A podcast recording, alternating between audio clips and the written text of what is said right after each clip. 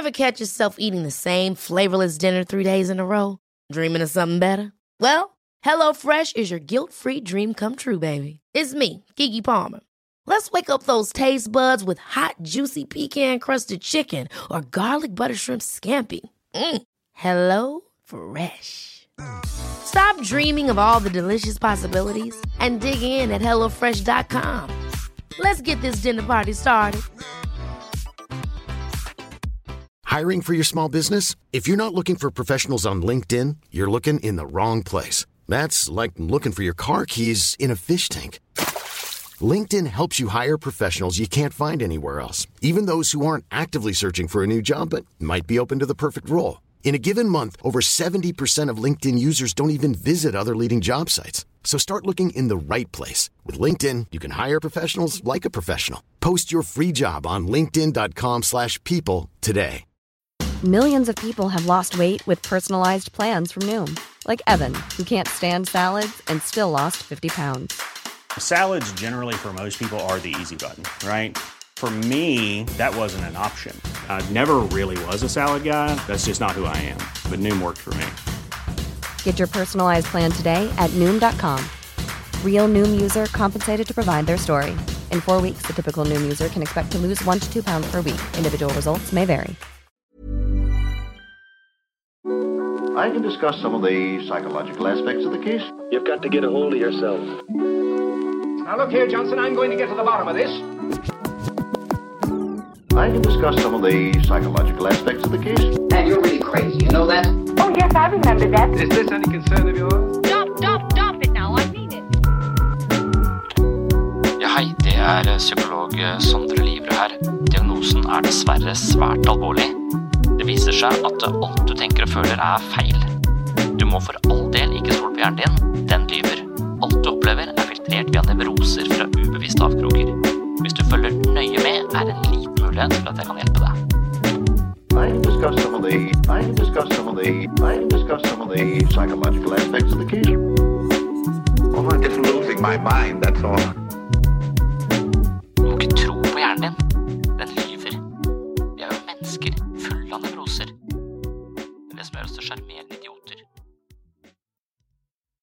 Amerikanske journalisten Michael Pollen prøvde psykedeliske stoffer, oppdaget han at det fantes et liv etter ego, står det bak på boka som heter How to Change Your Mind.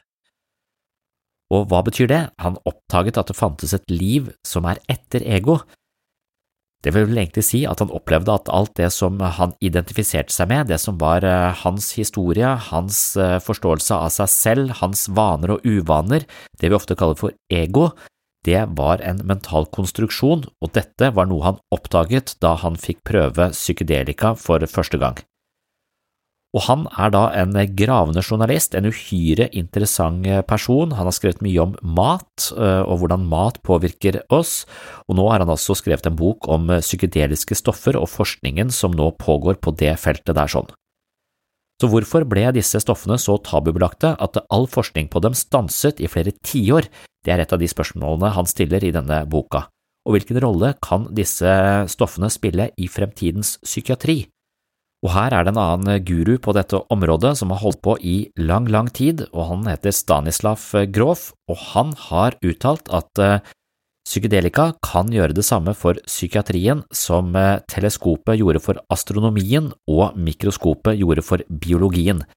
Og det er jo ganske lovende uh, uttalelser fra denne psykiateren som har holdt på med psykedelika i lang, lang tid, da i forbindelse med behandling av psykiske plager. Og denne Michael Pollen han er eh, vel ranka som en av de mest innflytelsesrike tenkerne i vår tid på denne topp 100-lista til New York Times blant annet. Så dette her er ingen eh, hvem som helst, en utrolig fin fyr, veldig eh, god til å skrive selvfølgelig, men også god til å snakke, og han er god til å gå inn i ganske kontroversielle felter, eller kompliserte felter, med et åpent sinn, men samtidig med et kritisk blikk, og det er en ganske fin kombinasjon når du er eh, journalist. Så da LSD ble oppdaget på 1940-tallet, opplevde leger og forskere at vi sto overfor en psykologisk revolusjon LSD bar på et løfte om å skape en forståelse av hva bevisstheten er, samt å lindre psykiske lidelser.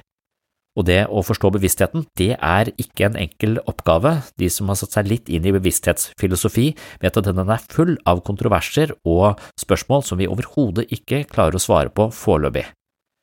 Men så kom 60-tallet, hvor en politisk motreaksjon til hippiebevegelsen satte en stopper for videre forskning på psykedeliske stoffer, og de psykedeliske stoffene ble da stigmatisert og kriminalisert. Evnen til å knekke noen av eh, menneskelivets største gåter, altså bevisstheten og psykiske lidelser, forsvant. Og med andre ord så ble det da bare rett og slett eh, putta i en skuff, det var ikke lov til å forske på disse stoffene mer, og det faktum at disse stoffene er en del av naturen og har vært brukt av ulike stammesamfunn i eh, hundrevis av år, det ble rett og slett overhørt i denne antidrug-kampanjen som da foregikk og skulle rett og slett bare ja, eh, undergrave alle disse eh, stoffene som har noe med bevisstheten vår å gjøre, og det er jo de fleste narkotiske stoffer. Men etter hvert så har man da skjønt at eh, narkotiske stoffer er ikke én samlekategori for giftige ting som ødelegger oss, men det finnes ulike varianter, og Heroin og kokain det er ekstremt giftig og avhengighetsskapende, men de psykedeliske stoffene de har ingen av de bivirkningene, de er ikke verken giftige eller avhengighetsskapende, men de kan faktisk ha evnen til å ikke ødelegge bevisstheten vår, men rett og slett kurere ulike psykiske feilkoblinger i vår egen bevissthet som kan gi oss et langt bedre liv. Og dette her er eh, kontroversielt, men det er også utrolig interessant. Denne Michael Pollen han er en, som jeg sa, en av verdens fremste vitenskapsforfattere, og i den boka som heter How to Change Your Mind, eller Psykedelisk renessanse på eh, norsk, så tegner han et portrett av en ny generasjon forskere som strever med å knuse mytene rundt psykedeliske stoffer. Han går dypt inn i bevisstheten for å forstå hvordan vi kan redusere angst, stress og avhengighetsproblematikk. Og denne boka her, det er en modig granskning av den pågående medisinske og vitenskapelige revolusjonen rundt psykedeliske stoffer. Pollen forteller også den fascinerende historien om sin egen livsendrende erfaring med disse stoffene. Så han skrev ikke bare om forskningen, han gjorde også en hel haug med eksperimenter på seg selv knytta til disse psykedeliske stoffene, og det er nettopp det jeg skal snakke om i dagens episode av Sinnsyn. Jeg skal ta for meg boka til Michael Pollen og snakke om hva disse psykedeliske stoffene kan bety for psykisk helse, og hvordan effektene av disse psykiske stoffene rent sånn nevrologisk i hjernen vår kan kaste lys over menneskets psykologi på helt nye måter. Så med det så ønsker jeg deg velkommen til en ny episode her på Sinnssyn. A young man on acid realized that all matter is merely energy condensed to a slow vibration – that we are all one consciousness experiencing itself subjectively. There is no such thing as death. Life is only a dream, and we're the imagination of ourselves. Så det jeg hadde tenkt å snakke om i dag, det er fordi at jeg ofte fleiper om, uh, om psykedeliske stoffer, og at det kan være en løsning. Og så mener jeg ikke at det er fleip, jeg mener at det kan være en, uh, en, en mulig, et mulig hjelpemiddel i dette faget som heter psykisk helse. Og det syns jeg kanskje det er litt viktig å snakke om og forstå. Kanskje ikke nødvendigvis så viktig fordi man eh, nødvendigvis skal prøve ut det, men eh, kanskje viktig fordi det kaster også litt lys over eh, ulike utfordringer, som f.eks. angst og depresjon. Og Da er det spesielt eh, en bok som har kommet for noen år siden av Michael Pollen, som har vunnet en del priser. Han er en sånn dyptpløyende journalist som går inn i um, ulike fagfelt for å finne ut av hva sier forskningen. Um, intervjuer masse fagfolk på området og prøver å samle opp og skape en slags felles forståelse. Hva er det, hva er det vi vet om uh, dette? Og han har vært veldig opptatt av mat, så han har skrevet masse om mat. Og etter det så har han uh, skrevet om uh, psykedeliske stoffer og hvordan det kan hjelpe mennesker til å vokse og gro og utvide perspektivene sine. Så på det området så har det vært, liksom, det har vært uglesett. Det har blitt sett på som eh, narkotika. Og det har vært eh, forbudt. Men eh, i 2006 så kom det en dom i høyesterett i USA som eh, tillot en, eh, en, sekt som heter eh, Uniao do vegetal, et eller annet sånt, som hadde med seg sånn T-lignende brygg som kalles ayahuasca. Og siden dette var et religiøst eh, rituale de drev med, så fikk de da lov til å ha med seg ayahuasca inn i USA og bruke det til sin sånn spirituelle praksis. Det er kanskje litt viktig å si det er eh, disse psykedeliske stoffene de ble ikke introdusert for Vesten før på 50-tallet av, eh, av, en indianerstamme. Så, og, men det har vært brukt i hundrevis av år i ulike ulike kulturer, men aldri som sånn eh, rekreasjon. Ikke sånn som vi bruker alkohol på, på, en fest, liksom. Det brukes kun i sånne spirituelle øyemed, hvor man uh, har seremonier osv. Og, og, så, og så fremskaffer jo disse psykedeliske stoffene ulike typer opplevelser, da, som, uh, som, er ganske vesensforskjellige fra de opplevelsene vi har i, i livet vårt for øvrig. Men så var det en, en artikkel som ble publisert i i 2006, så skrevet jeg Roland Griffith fra John Hopkins eh, University. Og han uh, har forsket på dette og samlet mye av, uh, eller oppsummerte forskningen og mente at disse psykedeliske stoffene de kan fremskaffe meningsfulle spirituelle opplevelser som fører til personlig vekst. Og den Artikkelen den var så solid og så godt skrevet og så godt fundert at en som heter Herbert D. Kleber, som var i Bush-administrasjonens sånn antidrug-kampanje, han har eh, sagt at den, den artikkelen er, eh, er utrolig god, og han har liksom også gått god for den, eh, den artikkelen. Og det er jo denne War on Drugs som stoppet dette, denne forskningen også på, på psykedeliske stoffer på 60-tallet. Da var det en fyr som het Timothy Leary, som var psykiater. Litt gæren men han, han drev en sånn type fengselsstudier på dette med psykedeliske stoffer. For han mente at folk ofte fikk eh, opplevelser og litt sånne Altså, de psykedeliske stoffene virker som jobber litt på grensa mellom det som, som Litt sånne klisjeer, altså kjærle, livet er kjærlighet osv. Som ofte er bare en, en klisjé, men dette blir veldig sånn hellig og, og oppriktig. Mange får denne typen opplevelser av kjærlighet og nærhet til livet. De kobler seg på livet på en annen måte, denne kyniske avstanden de kan ha. Så han tenkte at dette kan hjelpe folk i, som er i fengsel. Så han drev gruppeterapi på, med psykedeliske stoffer, gruppeterapi og LSD og klassisk musikk. Og så hadde han da eh, grupper med innsatte.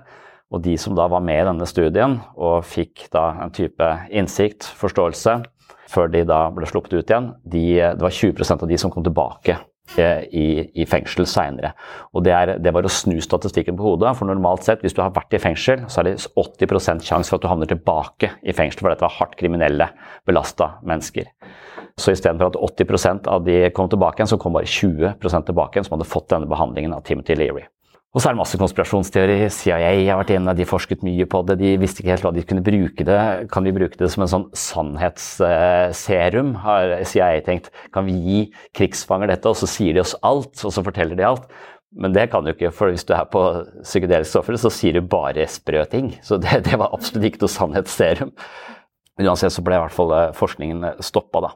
Og så var det pga. denne artikkelen til han Griffith at uh, narkotiske stoffer ble da delt inn i to grupper, hvor du har liksom heroin, kokain og sånne, sånne, veldig giftige og avhengighetsskapende stoffer på den ene siden. Og så har du mer de tradisjonelle psykedeliske stoffene, som kan være uh, psilocybin, LSD, meskalin, MDMA og sånn, som er på den andre siden, som ikke er, hvis det er brukt på riktig måte, ikke har særlig store bivirkninger og heller ikke eh, betraktes som spesielt farlig, overhodet ikke er avhengighetsskapende, men kanskje kan brukes i behandlingsøyemed eller for, eh, for, en type vekst. Så Michael Pollen han går inn i dette med hud og hår, så hans første mm, øvelse det er med eller hans første opplevelse det er med LSD sammen med en, eh, en sånn tripsitter, en som er, er veileder han, som heter Fritz. Så da skal han Møter han Fritz første dagen, så er det bare pusting. Så da er det sånn holotropisk pusting eller et eller annet sånt, hvor, de har sånne pusteøvelser gjennom dagen, som også gir eh, en, en slags sånn eh, psykedelisk opplevelse ofte. Hvis du, på, hvis du, trekker pusten helt dypt inn og er opptatt av konsentrert om, om, utpust og holder på sånn over lengre tid, så opplevde Michael Pollen plutselig at han satt på en hest og rei av sted og var totalt i kontakt med kroppen sin. Altså var en connection mellom, mellom, han og kroppen hans som han aldri før hadde opplevd. Det var kun gjennom pusteøvelser den første dagen. Det handler om å forankre seg i kroppen. Han hadde aldri hatt en sånn type forankring, eh, forankring i kroppen før, så han syntes det var en ganske spesiell opplevelse som kun dreide seg om pusting. Så dagen etter, når han har lært disse pusteteknikkene, så, så skulle han da på, få en dose eh, LSD. Og det som han opplevde da, var at han fikk, sånn, um, han fikk opp bilder av sønnen og han fikk opp bilder av faren i ulike situasjoner. Så det var en slags sånn psykologisk gjennomgang av familien hans, nærmest, som dukket opp i hans, uh, hans, indre. Og så så han liksom sønnen på helt nye måter, i et helt annet uh, perspektiv. Han så også faren sin i et helt annet perspektiv.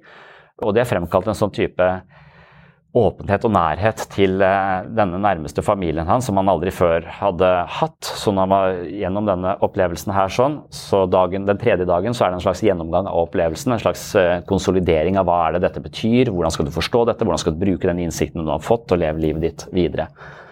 Og Han var litt skuffa, for han syntes ikke denne LSD-opplevelsen var så skjellsettende som han hadde trodd. Man merket at han var mer sånn følelsesmessig åpen og hadde en fornya, mer glødende kjærlighet til eh, de menneskene som står han nærmest. Da. Man opplevde en sånn veldig nærhet og kjærlighet til disse, eh, disse folka. Men han var litt skuffa, så han ville prøve noe som var enda mer kraftig. Og den neste han prøver da, det er, eh, det, det er hos en dame som heter Mary. Og hun, eh, når han kommer inn til Mary, så ser han liksom sånne krystallkuler. Det er en eh, kråkevinge oppå skapet. Det er røkelse, og hun sitter og ber noen rare bønner. Så alle hans fordommer mot sånn psykedelisk mystisisme og eh, New Age og kvakksalvere blir da bekrefta, nærmest. Han syns dette er et merkelig sted. ikke sant? Dette er en, en, det er en sånn hekseaktig dame ikke sant? som sitter inne i i et rom fullt av uh, sånne mystiske staffasje. Og det er jo det, det syns han er, er, er, merkelig. Men der får han to gram med psilocybin, altså sopp. Og det tar ikke så lang tid før han skjønner at disse symbolske tingene de er helt naturlig til stede i dette rommet. Og hun dama som sitter og ber på et eller annet språk han ikke forstår, det er også helt, helt naturlig. Så etter hvert så må han på do, så han går ut på, på, på, badet, og der er det bare sånn glitrende lys. Og så tisser han diamanter. så dette er jo helt uh, uh, fantastisk. Og når han kommer tilbake, så har hun der, da, Mary hun har endra seg, for nå er hun Maria Sabina, som er denne Masatek-indianeren som introduserte mennesker uh, fra Vesten for psykedeliske stoffer for type på, på 50-tallet. Så hun har endra utseende, og hun er åpenbart denne, denne dama. Så det her er jo eh, bare weird. ikke sant? Og hvordan kan dette her Det høres bare ut som Altså, det høres bare ut som noe, noe som fucker opp bevisstheten vår, på sett og vis. Skaper en slags uh, hallusinose som, som uh, kanskje kan virke forstyrrende. Og det er det man ofte har tenkt, da, at dette her er farlig, det er psykosefremkallende osv. Men etter hvert som man har studert det, så viser det at det har veldig få bivirkninger. Det har veldig mange positive helsegevinster. Og det er nesten ingen som har hatt Det er noen som har vonde opplevelser på det, men, men det er ikke noe som har eh, hjemsøkt de etterpå som, som spesielt skadelig. Men det kommer selvfølgelig an på settingen. Så det har sannsynligvis fått et dårlig rykte, for når folk har brukt denne typen psykedeliske stoffer på gata, så er det ofte en eller annen setting hvor de har brukt andre rusmidler samtidig, eller en type kriminelt miljø, for det har jo vært kriminelt, eller det er jo kriminelt, nå bruker sykehuset det. Eh, i Moss. De har ketaminbehandling, den typen, bruker den typen stoffer mot bl.a. depresjon. Så, så, så, lenge du tar det i en eller annen kontekst hvor det er litt fiendtlig, du er litt utrygg og sånn, så er faren for at det kan eh, at du Ja, da er faren ganske høy. Det, det ville man ikke anbefale noen. Man vil heller ikke anbefale å prøve dette med en venn eller en, en som du kjenner veldig godt. For da vil ofte bekymringen din for at de skal oppleve det som skummelt, være til stede, og det kan også forstyrre. Så dette er ikke noe du bare kan ta og bli bedre av. Det er også en slags eh, reise du må være med på, være kobla på. Som du sier, Hvis du først skal gjøre det, så må du være åpen for det som, det som oppstår. Så Hvis det kommer en dør, må du gå inn. Hvis det kommer en trapp, må du gå opp. Altså, du, du, må, du må være med og, se, for dette her kan fortelle deg og gi deg nye innsikter. Da. Og så langt så høres det bare sånn humbug ut, syns jeg. Altså, eller jeg, jeg syns det høres ut som noe som uh, rusmisbrukere forteller deg. på vorspiel. Det være dritfett. Så, sånn sett så syns jeg det virker uh, litt, uh, litt skremmende. Men, men, det som skjer når det blir forsket på det, er jo at man også begynner å være interessert i hva skjer i hjernen. Hvorfor har mange spirituelle og positive opplevelser for det? Hvorfor har så mange skjellsettende opplevelser som gjør at livet blir helt annerledes etterpå og mye bedre? Og da er spørsmålet hva skjer inni huet på folk når, eh, når de da tar uh, psykedeliske stoffer? Og det er det som er eh, interessant der, og det er det som kanskje kaster lys over hva det vil si å ha en depresjon, hva det vil si å ha angst, og hva det vil si å være superbruker, som vi har snakket om tidligere her. Superbruker på sitt eget mentale operativsystem.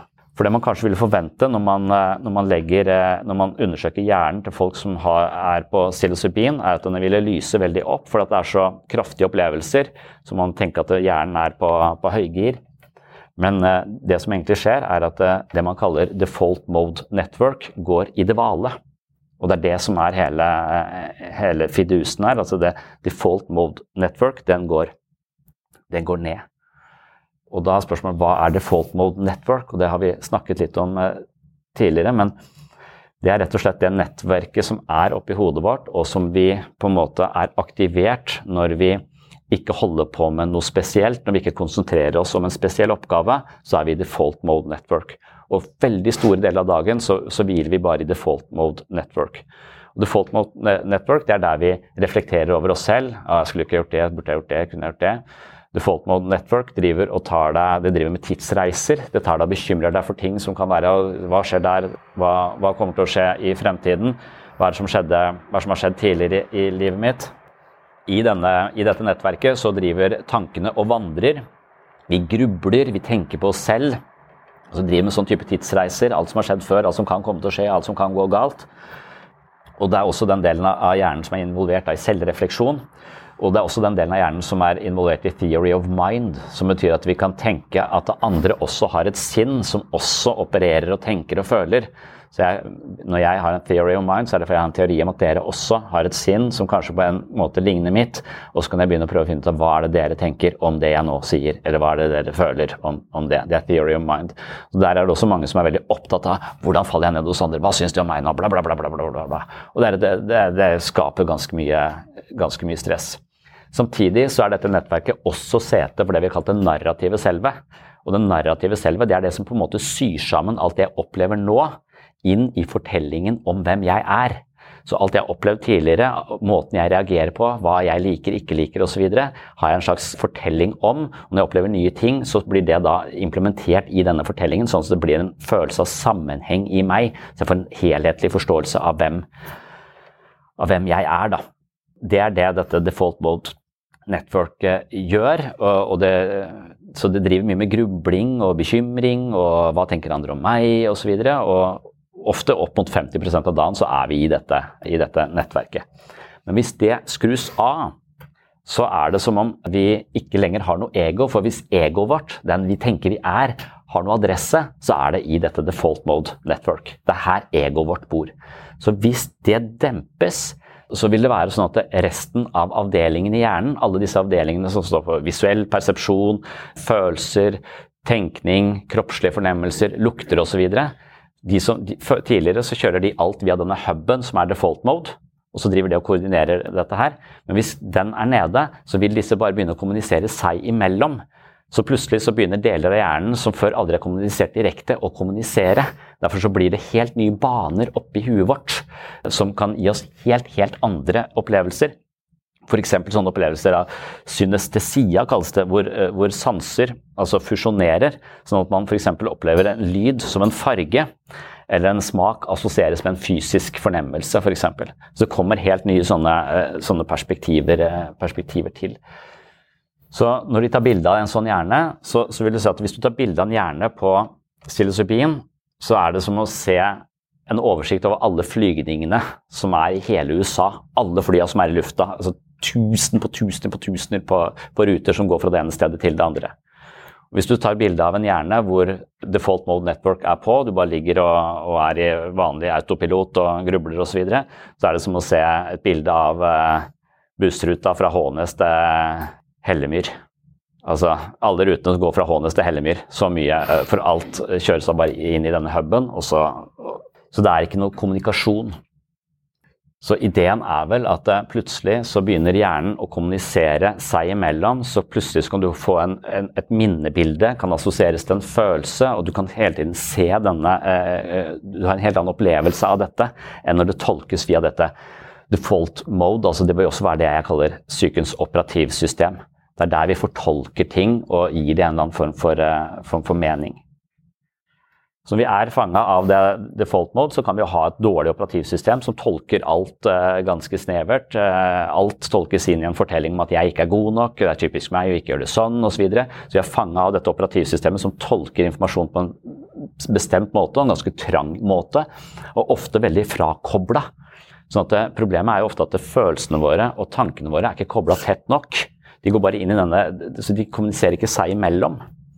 Og Det er ofte det som man vil si er en depresjon, er at du kobler deg fra folka rundt deg, du kobler deg fra omverdenen, du kobler deg fra deg selv, du kobler deg fra dine egne følelser. Du er på en måte frakobla.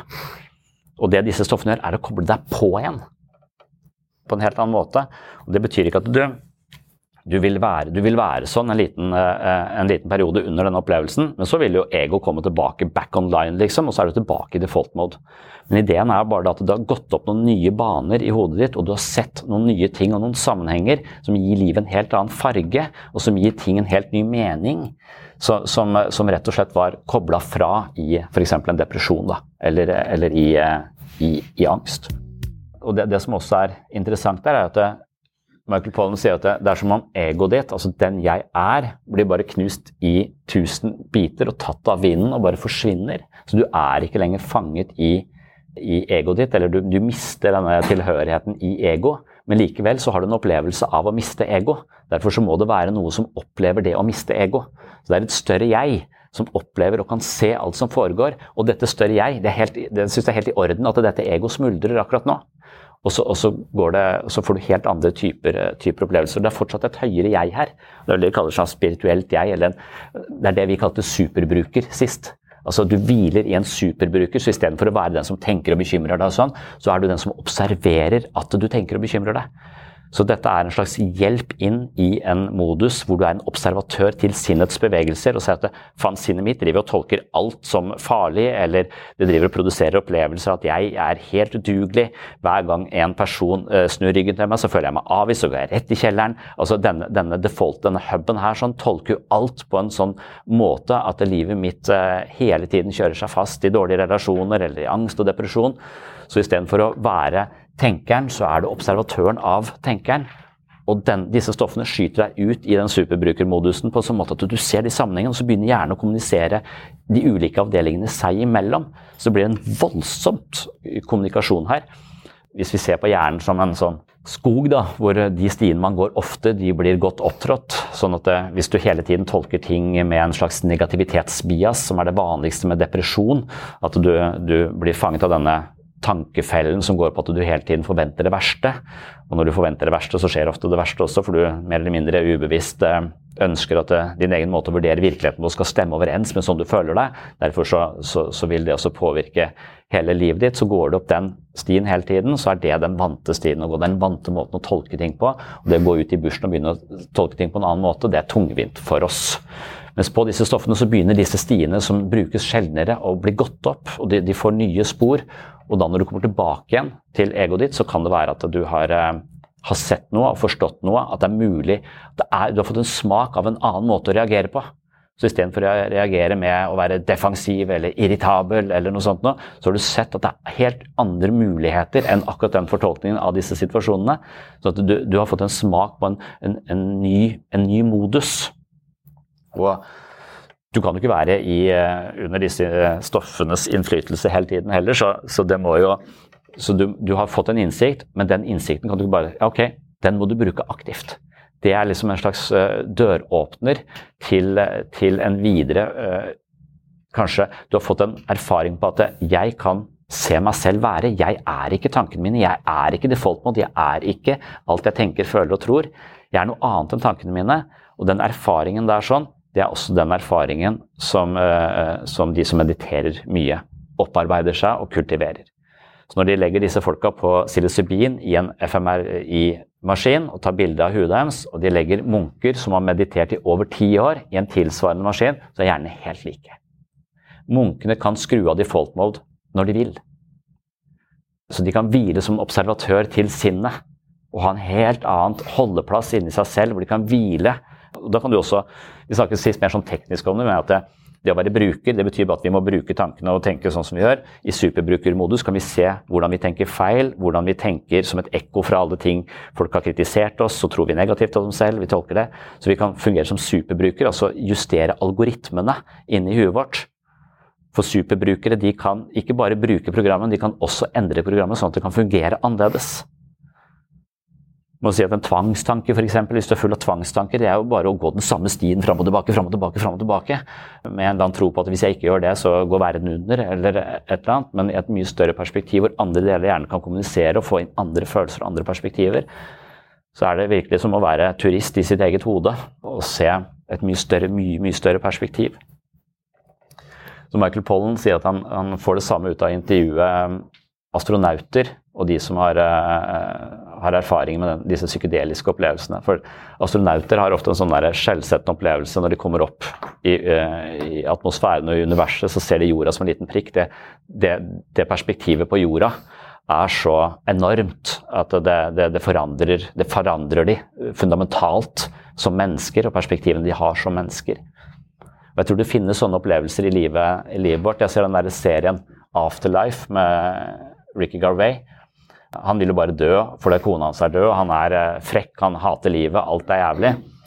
Og så er han en ganske sånn ufordragelig person. Og så er det noen underveis i denne, disse sesongene så er det noen sånne skjellsettende opplevelser hvor han skjønner at han må bare få huet ut av sin egen ræv, på en måte. Blant annet inne på et sykehus hvor, barn, hvor han møter barn med kreft. Så, hvor utakknemlig han er, og hva han egentlig har. Altså, så det er noen sånne opplevelser i livet vårt som kanskje setter ting i et voldsomt perspektiv, som, som virkelig kan, eh, kan, endre oss. Da.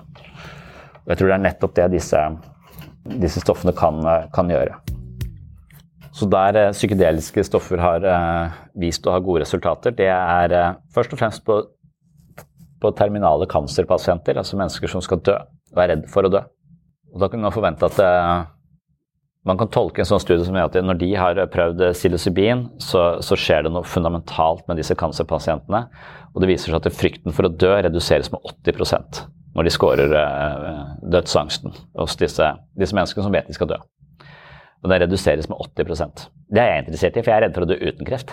Altså, så, eh, så det, det syns jeg er interessant. Og så er spørsmålet ja, men demper bare Akkurat som Sobri, liksom, det bare tåkelegger hele dette landskapet. De bare sitter der liksom sånn, ikke føler noe, eller bare føler veldig behagelig, eller morfin, liksom, som gir bare en sånn veldig behagelig følelse. Men det er ikke det disse stoffene gjør. Det er ikke den type narkotika det er snakk om.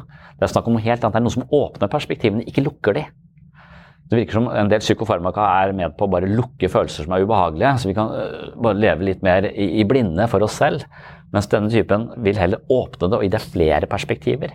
Og spørsmålet Har du mentale muskler til å bære denne innsikten, og det har jo vært min uh, bekymring. Men, men, på disse, disse cancerpasientene så er det rett og slett en, en opplevelse av uh, ja, en slags forsoning med døden. Og det, det, ser rart ut, det òg. Det er han som er intervjua i boka til Michael Pollen, denne, som heter uh, 'How to Change Your Mind'.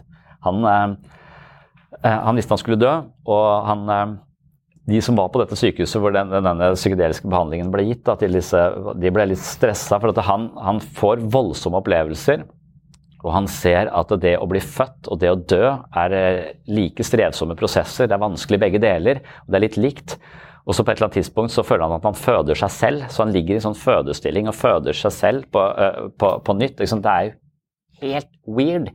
Men det er et eller annet som om dette er dette er akkurat som drømmen snakker metaforisk til oss om noe viktig som vi kanskje må lytte til og forstå.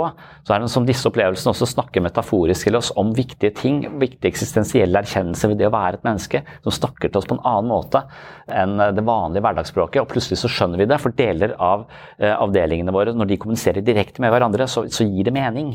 Det gir ikke mening for en utenforstående som har denne default mode-huben som tolkes alt igjennom. Så utenforstående vil ikke tenke at dette, dette er bare, vi må skru av dette her, eh, for dette her blir blir, blir galt. Men i etterkant så er det den viktigste opplevelsen i mitt liv. Og istedenfor å være livredd for å dø, så var det som om folk rundt ham bare graviterte mot han, altså familie, alle kom. Han, han var, hadde en sånn åpenhet og ro som bare var tiltrekkende på andre mennesker. Og han døde da med en sånn enorm fred. da. Og det var liksom en slags forsonende ja, situasjon som var helt annerledes enn den der eh, vibrerende mannen med dødsangst som lå der før det. En annen dame som også intervjues der, som hadde kreft, hun, hun ble kvitt kreften. Hun ble eh, frisk, men hun klarte ikke å leve livet sitt, for hun var så livredd for at den kreften skulle komme tilbake igjen. Så hun var helt paralysert av frykt for sin egen kreft. Og Hun prøver også denne, denne behandlingen. og hun, hun møter, altså hun, hun, får en opplevelse at hun går inn i sin egen kropp. Og der inne så ser hun en sånn svart, litt skummel materieanslag. Og det var ikke kreften, for det var på et annet sted. Det lå her i mellomgulvet. Det var på et annet sted enn der kreften hadde vært, som var i hodet. Hun går bort til denne massen og bare, bare kaster det ut av sin egen, egen kropp. Og det er da frykten hun møter veldig sånn symbolsk, men også veldig virkelig møter sin egen frykt. Hun ser denne frykten og hvordan den blokkerer hele livet hennes, eller egentlig all pusten hennes. da. Så hun får ikke puste. Så kaster hun dette, eh, dette ut, og det, den erfaringen gjør at hun eh, spaserer ut av det sykehuset uten denne frykten for å få kreften tilbake igjen. Det, jeg, tror, jeg, tror, ikke alle sånne opplevelser vil være sånn skjellsettende at det forandrer livet ditt over natta. Jeg er litt redd for at de som drar til Moss på sånn type depresjonsbehandling der, som er på ketamin, som har sånn den psykedeliske effekten, tenker at jeg skal bare ligge der, og så skal det skje noe, og så skal jeg være bra. Jeg tror det, det som skjer, er noe du må jobbe med, noe som viser deg vei, noe som peker i en retning, og som er din oppgave å kultivere det i, eh, i livet ditt. Da. Det har vært studier på, på røykeslutt. Men da har, de, da har de fått mikrodosering av psilocybin, tror jeg, i løpet av et helt år. Med også denne motivasjonen for å kjenne på pusten sin, og pusten er en del av meg, og det er min pust, jeg vil ikke ødelegge den med nikotin osv. Altså jeg vet ikke helt hvordan behandlinga foregår, men en kombinasjon av kognitiv terapi da, og, og, og psykedelia. Og når de har vært gjennom den typen behandling, så sjekker de et halvt år etter, og da er 80 eh, røykfrie. Da. Og det er bedre enn noe annen behandling man har sett for, um, for den typen uh, men, men det, det, for meg så gir det mest mening, og det er der det brukes i Norge foreløpig. Det brukes på PTSD, og det brukes på depresjon. Nettopp kanskje fordi at depresjon er den tilstanden av frakobling. Det å koble seg fra andre mennesker. altså Koble seg fra sin yngre selv, sine spirituelle overbevisninger. Koble seg fra omgivelsene sine. Så det Deprimerte mennesker vil jo f.eks. kunne se en orkidé eller et eller annet vakkert og ikke føle noe som helst. altså Alle de positive følelsene assosiert med vakre ting er helt eh, fraværende. Mens eh, psilocybin da har denne effekten at de kobler følelsen tilbake på opplevelsen. De lar disse eh, sentrene i hjernen kommunisere sammen igjen. Ofte så har vi skrudd av de følelsene av en årsak. Vi orker ikke, for at det, skuffelsen og sviket har vært så stort at jeg orker ikke å høre på amygdala som holder på med følelser. Jeg skal bare ha det helt vekk. Jeg vil bli en robot, jeg vil ikke føle noe. For jeg vil ikke ha skuffelsen, jeg vil ikke ha smerten. Og det du ikke vil ha smerten, så får du heller ikke gleden. Altså Livet blir jo flatt. Livet blir eh, Altså Prisen du betaler for å ikke føle noe, er jo å være Det er et slags flatland. Grått. Depressivt. Så det å tørre å føle, det er jo en, en oppgave vi alle har. Men det er fra superbrukermodus du skjønner at jeg ikke er følelsene mine. For så lenge jeg er i brukermodus jeg får en sånn følelse og sier å nei, jeg, jeg, kan ikke være sånn, eller du får en aggressiv følelse. Jeg er jo ikke en aggressiv person, det må vekk, det må vekk. Mens i en superbrukermodus så ser du bare at det er en del av et helt følelsesregister som er i alle mennesker, som finnes, som kommer, som går. Jeg kan velge å agere på de hvis ikke jeg er fanga av de. Og så lenge jeg er her, så er jeg ikke fanga av de. Så det å vite at man kan komme hit, det vil gi oss mye Vi vil ikke være så redd for følelsene våre lenger. Da vil vi kunne ta tilbakemeldinger som vi før hadde opplevd som veldig hard kritikk, eller gått ned med flagg, eller blitt veldig lei oss. Altså, vi, vi, kan se det i et annet perspektiv. Kanskje følelsen kan kobles på en tanke, en fornuftig vurdering av denne, denne følelsen, så det blir et, eh, blir et, bedre samarbeid. Og stiene mellom fornuften vår og følelsene våre blir trådd opp på nytt. Så de som har hatt denne behandlingen for depresjon, det er bare en behandling som går et par uker, tror jeg. 80% merka reduksjon i symptomer, mens 60% var totalt kvitt depresjon. Men så er det langtidseffekten av det. Det hender at depresjonen kommer tilbake igjen. Og da er spørsmålet om du bare skal opprettholde en sånn type Det er en dame som jeg intervjua i den boka. Hun, hun, har prøvd alt av psykofarmaka, hun har prøvd alt av behandling. Hun har vært deprimert omtrent hele livet. Og dette eh, hjalp henne, men etter eh, ca. seks måneder så hadde hun tilbakefall på depresjon. Så hun går og får tre, tre doser en gang i kvartalet, tror jeg. Men tre doser en gang i kvartalet kontra spise tabletter, SSRI-preparater hver eneste dag. Det er fortsatt en ganske stor eh, forbedring, vil jeg si. Og Spørsmålet er jo da også om det er viktig å nettopp kultivere den nye bevisstheten du har fått. Og, og hvis du har lyst til å opprettholde denne erfaringen, så er det meditasjon som er den opprettholdende funksjonen. Altså trene på å hvile som denne observatøren til alt som foregår i deg, og ikke være fanga av ditt eget indre liv. Her kommer det en tanke, sier at jeg må telle alt som er uh, i dette rommet, alle vinduene. altså Tvangstanker f.eks. Altså, vi er tvunget til å handle på de. Men vi er ikke det, for hjernen fabrikkerer tanker hele tiden. Vi kan bare se på de, kan hvile som en observatør til de, ikke være, være tanken. Du, det er akkurat det jeg er litt bekymra for, så vet jeg ikke nok om. Men min erfaring med de som har vært der, syns jeg virker at den, både den derre introduksjonen til hva er dette for noe, hva gjør dette med hjernen din, hvordan skal du forholde deg til det du opplever nå, og hva, hva kan du forvente deg? Det er ikke farlig. Hvis du, hvis du går inn i denne situasjonen og er veldig redd og uvitende, så kan det være at dette blir en ganske dårlig opplevelse.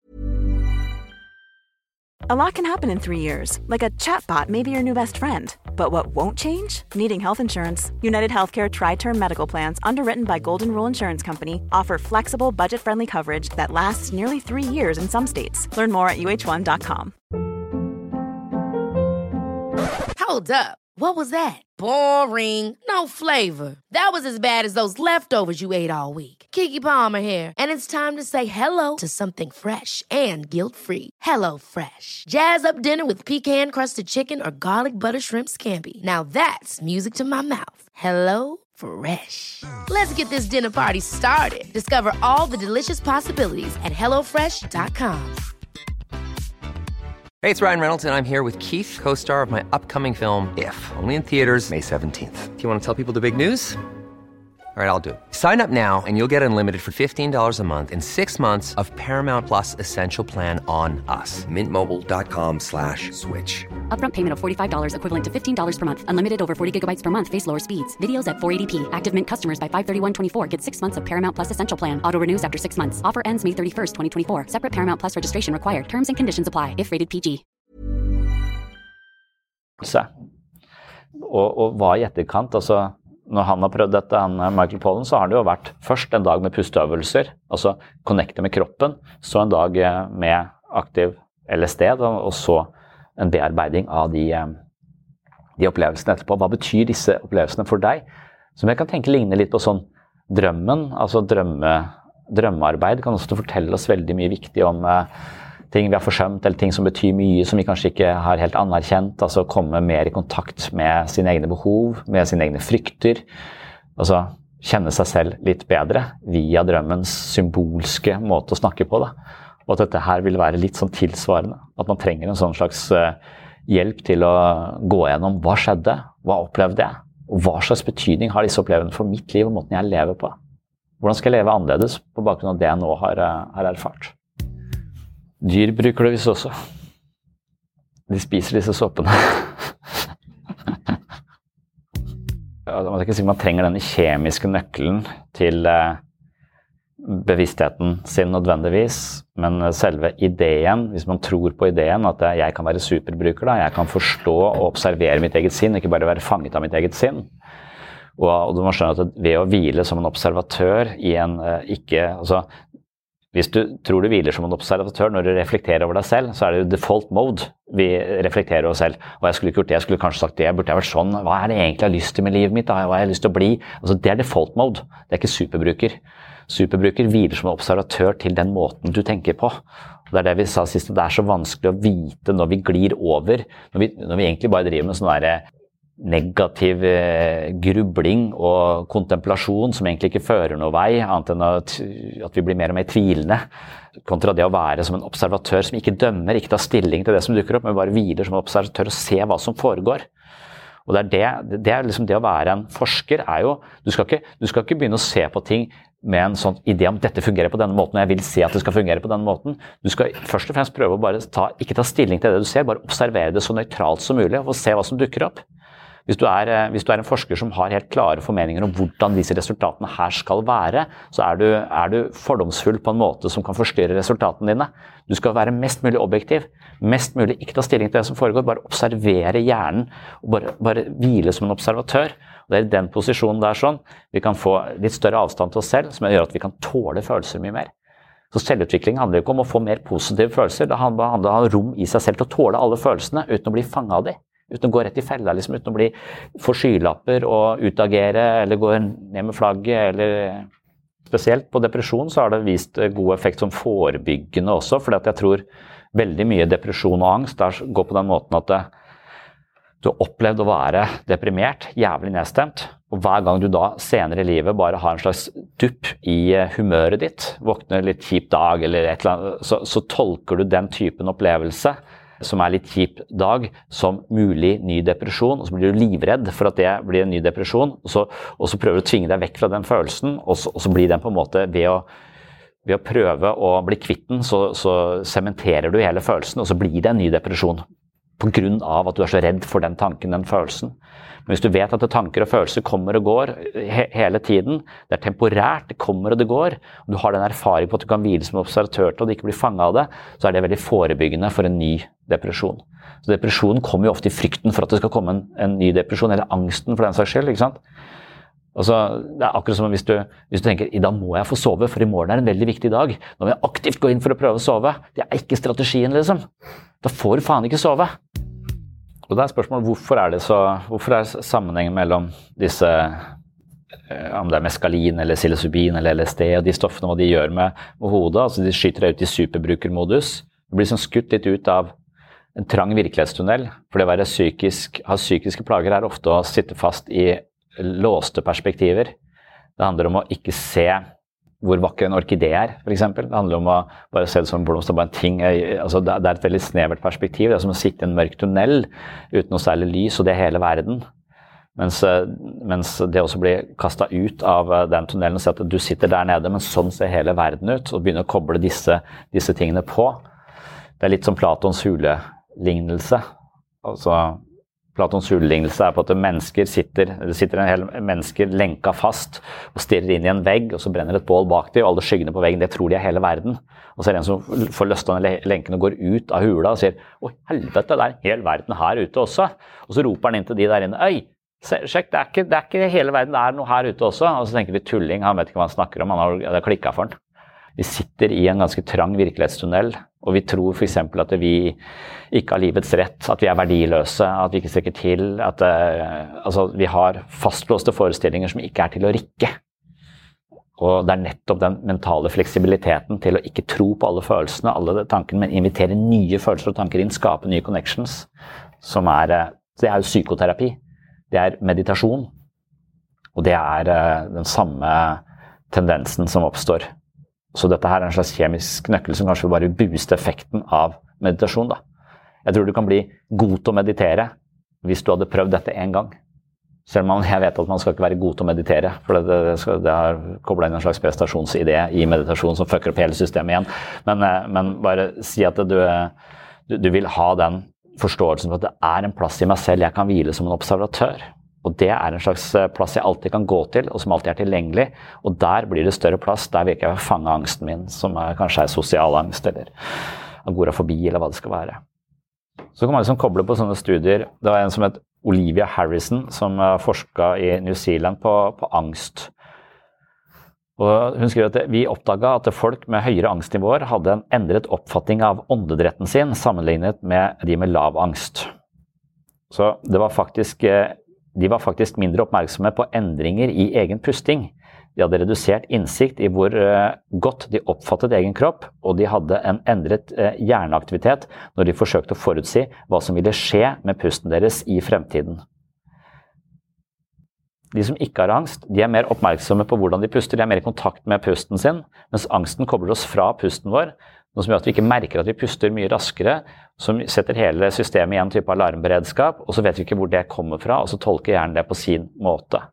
Så det å være mer connecta til sin egen pust, kunne bruke pusten til å forankre seg tilbake og dempe angsten, det vil være å eie livet sitt litt mer. Men det vil også være en connection mellom å forstå en følelse av frykt og måten kroppen reagerer på. Så det er en connection som da kanskje ville bli gått opp, eller som, som må kobles på på nytt for å forstå det. Og det er liksom det fysioterapeuten eventuelt driver med. da Koble kroppen på, på resten av, av, systemet, for det er vel nesten fremmedgjort for vår egen kropp, mange. Så på psykologisk.no er det flere sånne artikler som, som, viser til hvordan det å lære seg puste er like effektivt som eh, kognitiv terapi for angst. Jeg tenker aldri på hvordan jeg puster. Klokka mi sier pust hele tida. I løpet av en dag. Jeg vet ikke hvordan jeg får skrudd av. Jeg sier pust. Selvfølgelig puster jeg, jeg lever jo, du merker jo det, jeg går rundt. Ikke? Nå skjønner jeg mer hva Connect tilbake, akkurat som Michael Pollen får denne opplevelsen av, eh, av pust. Altså, det, det, kan også virke som denne hyperventileringa som noen driver med, som en, som en, sånn type også Det skaper også den samme nærmest sånn halvpsykedeliske opplevelsen. så Du kan sånn holotropisk pusting som, som setter den samme, som sannsynligvis ikke gir hjernen nok oksygen til at eh, default mode opprettholdes. Så default mode får ikke nok oksygen, så den går ned, og så får du de samme type opplevelsene. Så du kan oppnå dette også uten psykedelika med å puste noe voldsomt.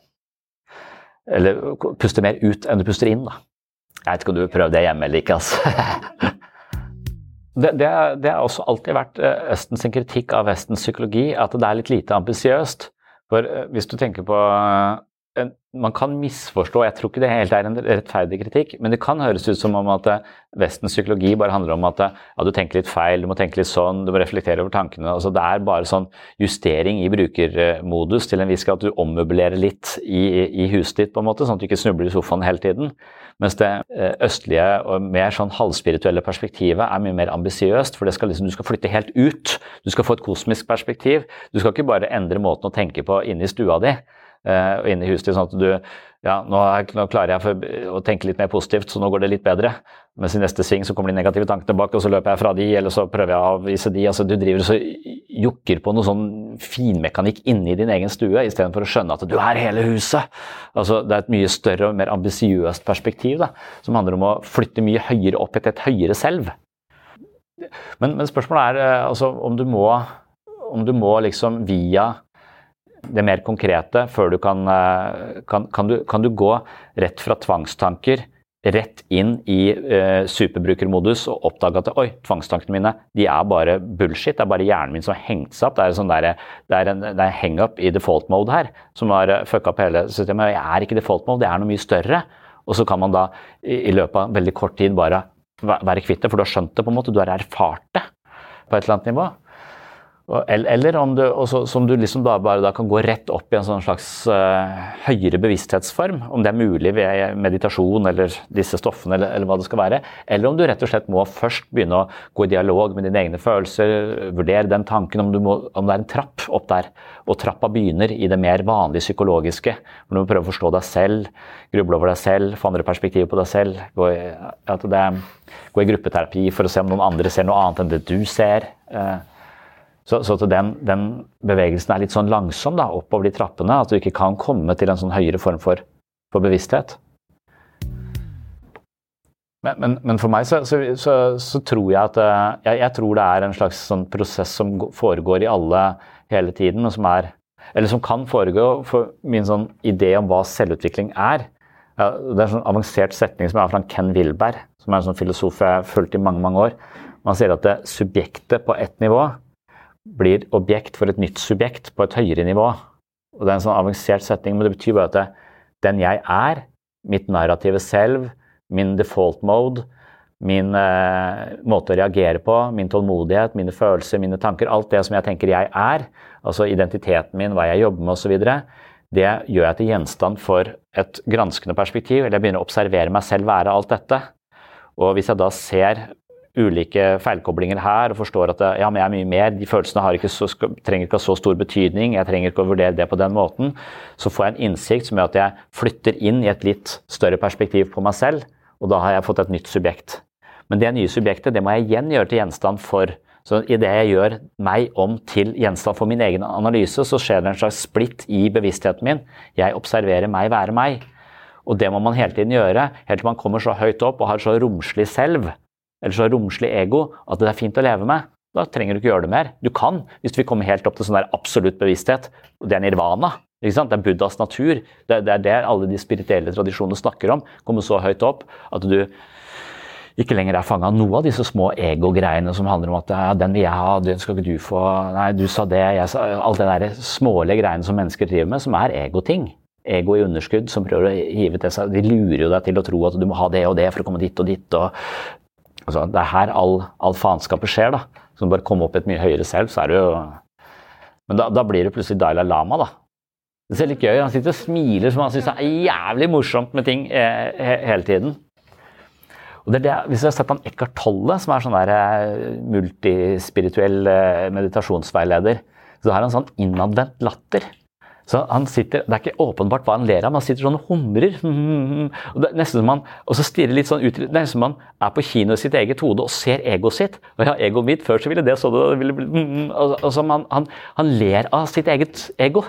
Så Det virker som han syns det er så teit, det som var. Eller altså, glede over å være kvitt all det der dramaet der. sånn. Så Han sitter sånn og humrer for seg selv. Sånn innadvendt form for eh, latter. Som, som er veldig, veldig spesiell.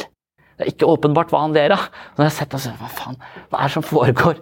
Jo, han sitter og ser på, uh, ser på egoet sitt uh, på en måte sprelle og prøver å få han til å inn i de gamle kampene om å bli likt eller ikke være god nok. eller... Uh. Og Eckhart Tolle han, var liksom startet, liksom, han startet jo med at han hadde et jævlig liv. Mye mobba, masse negative tanker om seg selv. Tenkte han var helt verdiløs. Og så sier han at 'jeg orker ikke å leve med meg selv lenger'. Jeg skal ta livet mitt. Så, men så er det det at han begynner å male på den setningen 'jeg orker ikke å leve med meg selv'. Så 'jeg orker ikke å leve med meg'. Er det jeg og meg? Hva er forskjellen her, da? Hvem er, det, hvem er dette jeget som ikke orker å leve med meg? Og og så plutselig syns han hele setningen er litt rar. Så driver han og maler på den. og Det er via den setningen han skjønner at det han ikke orker å leve med, er default mode. Det er egoet sitt. Alle den der negative fortolkningen av han selv som person, alle disse negative forventningene, alt det der, der sånn, all den faenskap han har opplevd, som har kulminert i et selv som, som føler ikke er verdt å leve. Jeg er et udugelig menneske. Jeg har ingen verdi. Mens det er jo en mental konstruksjon. Det er ting folk har fortalt han. Det er jo bare kodene i operativsystemet hans. Det er ikke han. Så det han vil ta livet av, det er jo ego. Og, så, og når han skjønner det at jeg og meg er to forskjellige, så hviler han som en observatør til dette, og så dreper han ego istedenfor å drepe seg sjøl. Hvis du dreper hele kroppen din, så dreper du både jeg og meg. Så det er, det er misforstått selvmord. Jeg tror veldig mange selvmord er misforståtte på denne måten. Jeg tror psykiatri egentlig ønsker at folk skal begå egoselvmord, men ikke ordentlige selvmord. Ikke jeg og meg, du skal bare drepe den ene. Du skal drepe det egoet som hele tiden lurer deg til å måtte tenke sånn eller gjøre sånn, eller gå i de konfliktene og forsvare deg og være defensiv og reagere for fort, reagere, aldri reagere, lar seg overkjøre. Alt det faenskapet som er default-mode og fortolkningen av hver situasjon. Det er den vi ønsker at det skal Den må alltid være der, men den skal justeres. Vi kan ta livet av den som er, så må vi installere en ny en, da. For du må jo ha den, på en måte. Men det å, det å forstå at du ikke er følelsene og tankene dine, det vil være den egodøden som vil være starten på en, eh, en ny fødsel da, som menneske.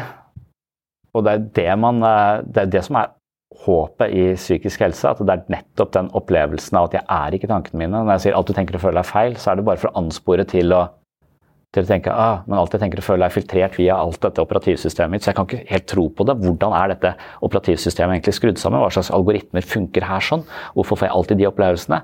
Det å begynne å tenke på den måten, da skjer denne splitten i bevisstheten din, hvor du er den som tenker på deg. Så du gjør ditt eget selv om til objekt for din egen analyse. Jeg analyserer meg være meg. Metakognisjon kalles det også.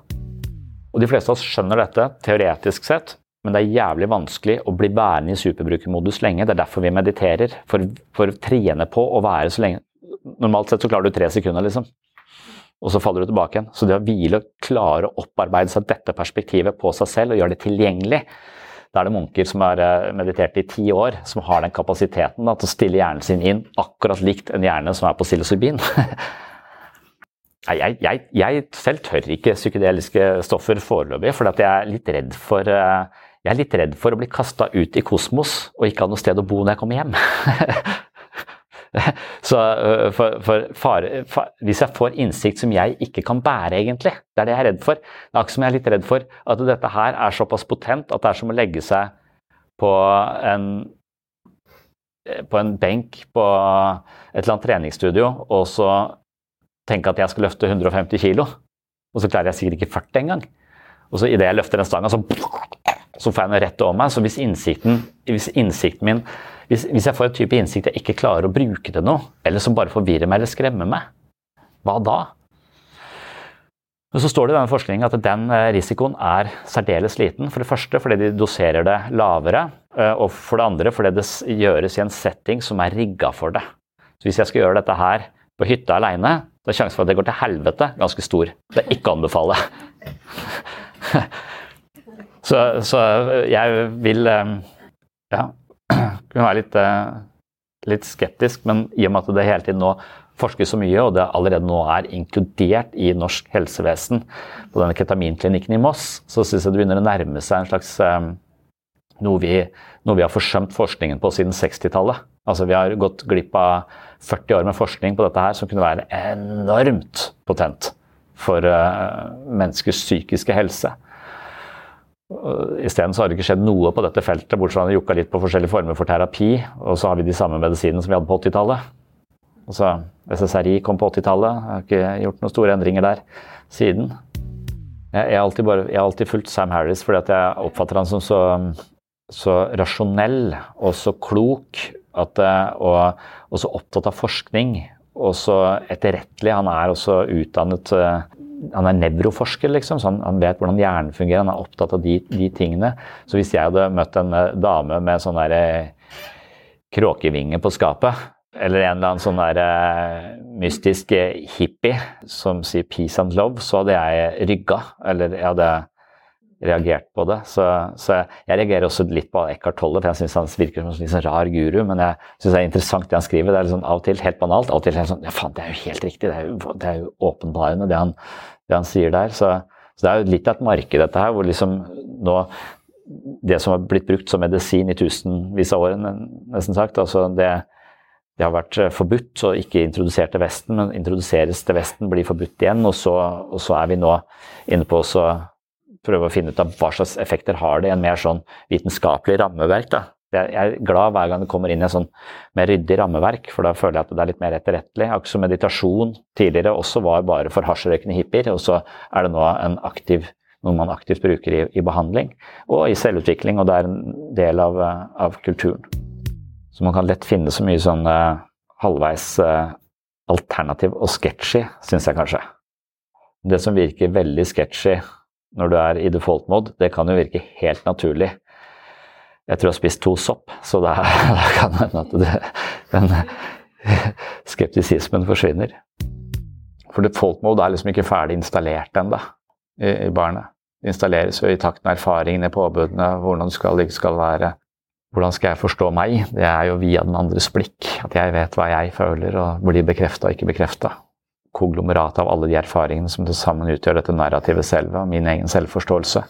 Når jeg først har fått en forståelse for meg selv, så søker jeg å få den bekrefta for å føle sammenheng. Så hvis du i utgangspunktet har fått erfaring på at jeg ikke er verdt å elske, så er det narrativet ditt. Og da vil nye situasjoner hvor folk faktisk er glad i deg, eller liker deg, eller nærmer seg på en, på en sånn måte, det vil ikke det vil være vanskelig å integrere i min selvforståelse. Derfor så avviser jeg det. Eller tenker jeg nei, de mener ikke, de sier det bare fordi de får betalt for det, eller et eller annet sånt noe. Så du, du avviser dette for å opprettholde et, en idé om, en, eh, om, deg da, som er sammenhengende. Hvis du plutselig skal tenke helt nytt om deg selv, så, kan, så er det som det er brudd i fortellingen. Det er et sjangerskifte midt i boka, liksom, som er ditt liv. Du kan ikke plutselig gå fra fra en sånn eh, romantisk komedie til en eh, thriller til en science fiction-roman. Det er som Vi føler en slags eh, behov for å ha samme sjanger gjennom hele, hele, livet. Men når vi skjønner at vi faktisk er forfatter av det narrativet selve, og at vi tolker alle nye situasjoner inn sånn at det skal passe overens med denne tingen som folk har fortalt oss at vi er, så kan det være at vi tenker faen, jeg tror jeg skifter sjanger, jeg. Når jeg har hatt sånn derre eh, depressiv eh, krimbok hele livet mitt. Redd for alt, og alt kan komme til å skje. Så jeg tror jeg kjører romantisk komedie herfra og, og, og til pensjonsalder. Jævlig mye koseligere.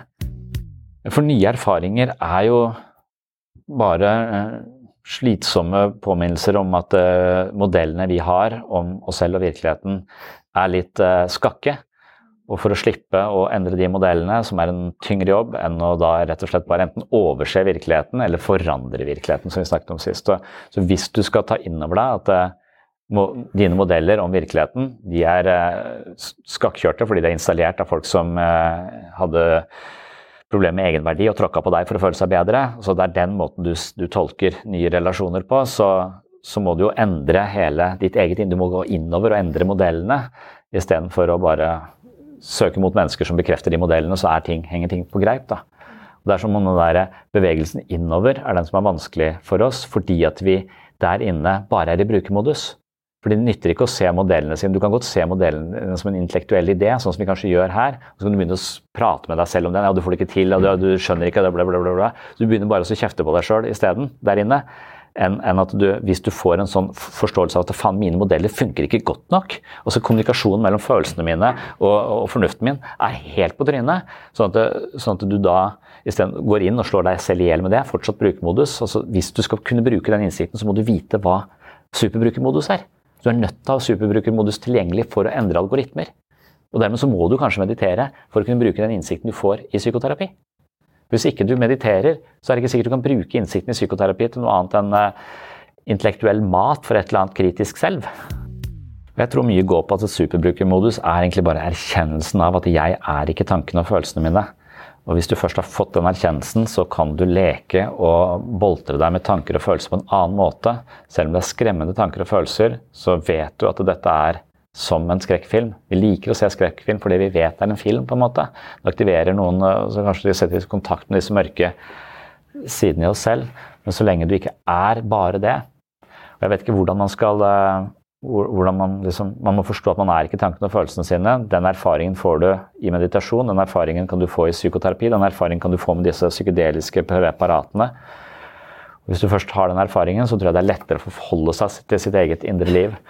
Og jeg mener også kanskje at jeg, at jeg etter hvert eh, som jeg har vært opptatt av dette over lang lang tid, heller ikke tar ting så personlig.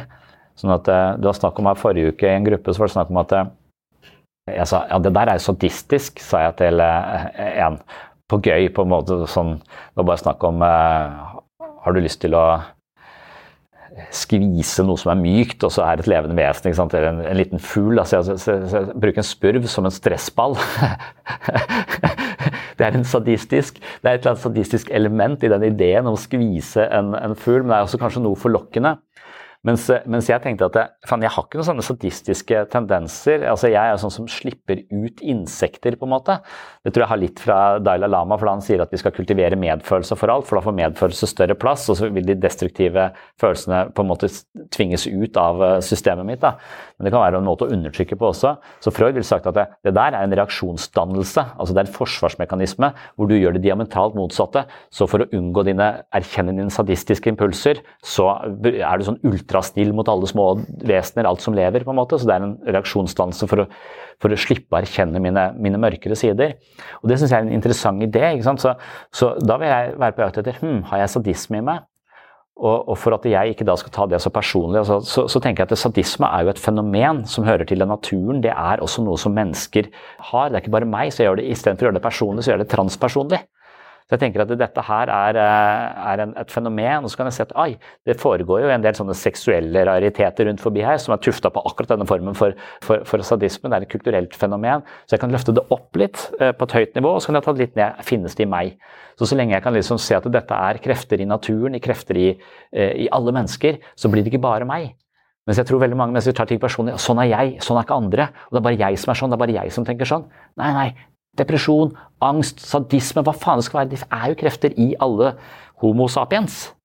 Og, og så lenge det er en sånn fellesmenneskelig ting som jeg da kan våge å se på, så blir det ikke liksom Jeg slår meg ikke selv i hjel hvis jeg skulle dukke opp en sadistisk impuls hos meg.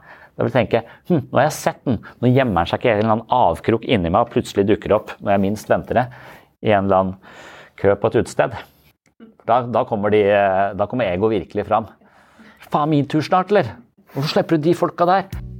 Jeg tenker Det er også den transpersonlige psykologien. altså i, i, liksom i slekt med dette her, fordi den ønsker å gjøre vårt eget indre til også et slags sånn um, fellesmenneskelig fenomen.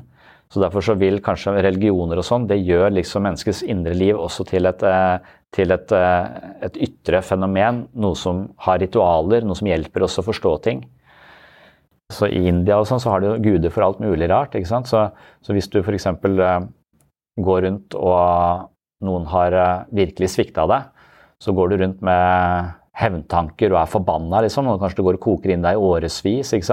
Da, da, vil den kulturen si at du er, liksom, du er fanget av, eh, av hevnguden, et eller annet rart navn. Så, så du, må, du, må, på en måte gjøre opp med hevnguden. Du må gi slipp på din, eh, ditt behov for å straffe den andre. Og hvis du eh, begynner å dyrke en litt annen gud, så vil hevnguden eh, langsomt miste tak i deg, og livet ditt vil forandre seg. Og Det er liksom det som ligger i tilgivelsen, f.eks. Og den som har blitt utsatt for urett, den kan du velge å tilgi eh, også. Men, men, og den som da har på en måte tråkka på deg, kan du kanskje være fanget av, av den guden for anger. ikke sant? Og denne guden for anger er hele tiden etter og vil, vil, ta deg. Så det å snakke om det som en gud, denne angerguden, og gi den en sånn slags eh, kultur, altså Kanskje ha en slags rituale på hvordan jeg ofrer til angerguden for å bli kvitt den, eller så den blidgjør, så jeg skal, skal, angre Eller så anspores til kanskje å si unnskyld. da. Altså hvis du løfter det opp og ser ditt eget indre liv i en sånn religiøs kontekst, for eksempel, eller, eller mytologi, da, fortellinger om levd liv, så, så, er det som om du kanskje kan håndtere ditt eget indre liv litt mer sånn fellesmenneskelig i et eller annet form for rituale.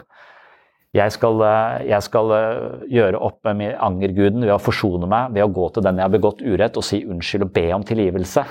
Også at det kanskje det, det Hvis det settes i et sånt perspektiv, så slipper det der 'jeg er bare meg', og jeg går rundt og angrer fordi jeg er slemt menneske, jeg er udugelig og ingen liker meg. og liksom der, Det går an å løfte det litt. Og jeg tror Hvis vi klarer å løfte det litt, så tror jeg ikke vi er så aleine om det. Så tror jeg alle de store fortellingene våre er nettopp sånne fortellinger om det å være et menneske, og at det kobler oss til fellesskapet. Eh, det kobler oss til det fellesmenneskelige. og jeg tror Musikk gjør det samme. Det er derfor vi hører på depressiv musikk når vi er langt nede. For det bare vitner om at det, dette er en følelse i verden. Dette er en følelse ved det å være menneske. Dette er en sinnsstemning som hører til menneskeheten. Andre har hatt det, andre har, forstått det, andre har forstått på denne måten. Det er i denne musikken. Jeg hører den musikken. Jeg hører ikke musikken for å bli mer depressiv, jeg hører musikken for å finne fellesskap i denne følelsen, sånn at jeg ikke er helt aleine om det.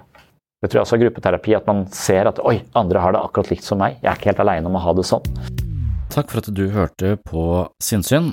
Dette med psykedeliske stoffer det har jeg snakket om tidligere her på podkasten, blant annet i episode 104 og 105, hvor jeg drøfter dette her med filosof Ole Martin Moen. Så hvis du er mer interessert, så kan du gå til de episodene. Men hvis du også er mer interessert i dette med mental trening, evnen til å koble seg litt ut av denne default-moden Eh, dette nettverket som eh, produserer eh, tankekjør og bekymringer for fremtiden og hva andre måtte mene og tenke om oss, og andre loops og algoritmer som i verste fall kan kjøre livet vårt inn på ganske smale blindveier. Hvis du vil vite mer om hvordan du kan koble ut og hva slags mentale teknikker man kan bruke for å operere litt mer i superbrukermodus og ikke være fanget i dette i brukermodus i dette mentale operativsystemet, så kan du også eh, melde deg inn på mitt mentale treningsstudio, hvor det er på en måte essensen av eh, mental trening. Og blant annet, som jeg nevner her i podkasten i dag, så er det jo også dette med meditasjon som har eh, en del av de samme effektene, og meditasjon det er jo litt krevende, men det er absolutt en mulighet for å skaffe seg mer mental fleksibilitet og litt større avstand til denne til dette ego som eh, gjør at vi av og til lever på en altfor anstrengt måte. Så hvis du ønsker å ha mer sinnssyn hver måned, støtte dette her prosjektet, så kan du gå inn på patron.com for slash sinnssyn, da får du masse ekstra episoder av eh, denne podkasten, du får masse øvelser, du får mine lydbøker, lest inn eh, kapittel for kapittel og øvelse for øvelse, og da et ganske nøye gjennomtenkt treningsprogram for å oppøve sterkere mentale muskler. Du får også meditasjonsveiledning og en innføring i mindfulness inne på dette mentale treningsstudio. Som privatperson så kan du gå inn på patron.com for segs sinnssyn, men hvis du er medlem av en eh, bedrift, eller jobber i en bedrift, eller er medlem av en organisasjon eller lignende og trenger et abonnement for litt flere deltakere som kan trene sammen eller parallelt, og eventuelt snakke litt om hva man får ut av disse treningsøktene i lunsjen for eksempel, så kan du da henvende deg til meg på webpsykologene i flertall at gmail.com eller medlem sinnssyn at gmail.com, eller sende meg en SMS. Ta kontakt på en eller annen måte, og du finner i hvert fall kontaktinformasjon inne på webpsykologen.no. Der finner du også en brosjyre som beskriver dette bedriftsabonnementet på Sinnsyns mentale treningsstudio. Det var det jeg hadde for eh, denne gang, håper du henger med i neste episode. Tjallabais! Oh, I'm just losing my mind, that's all.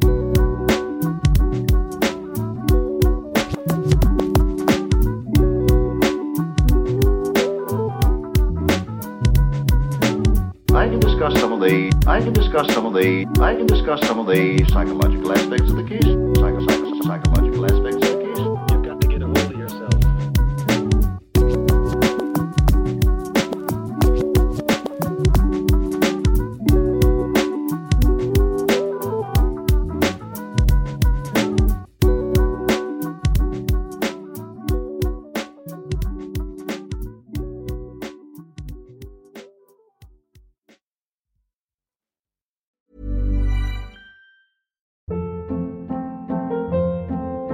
Hold up. What was that? Boring. No flavor. That was as bad as those leftovers you ate all week. Kiki Palmer here, and it's time to say hello to something fresh and guilt-free. Hello Fresh. Jazz up dinner with pecan-crusted chicken or garlic butter shrimp scampi. Now that's music to my mouth. Hello Fresh. Let's get this dinner party started. Discover all the delicious possibilities at hellofresh.com.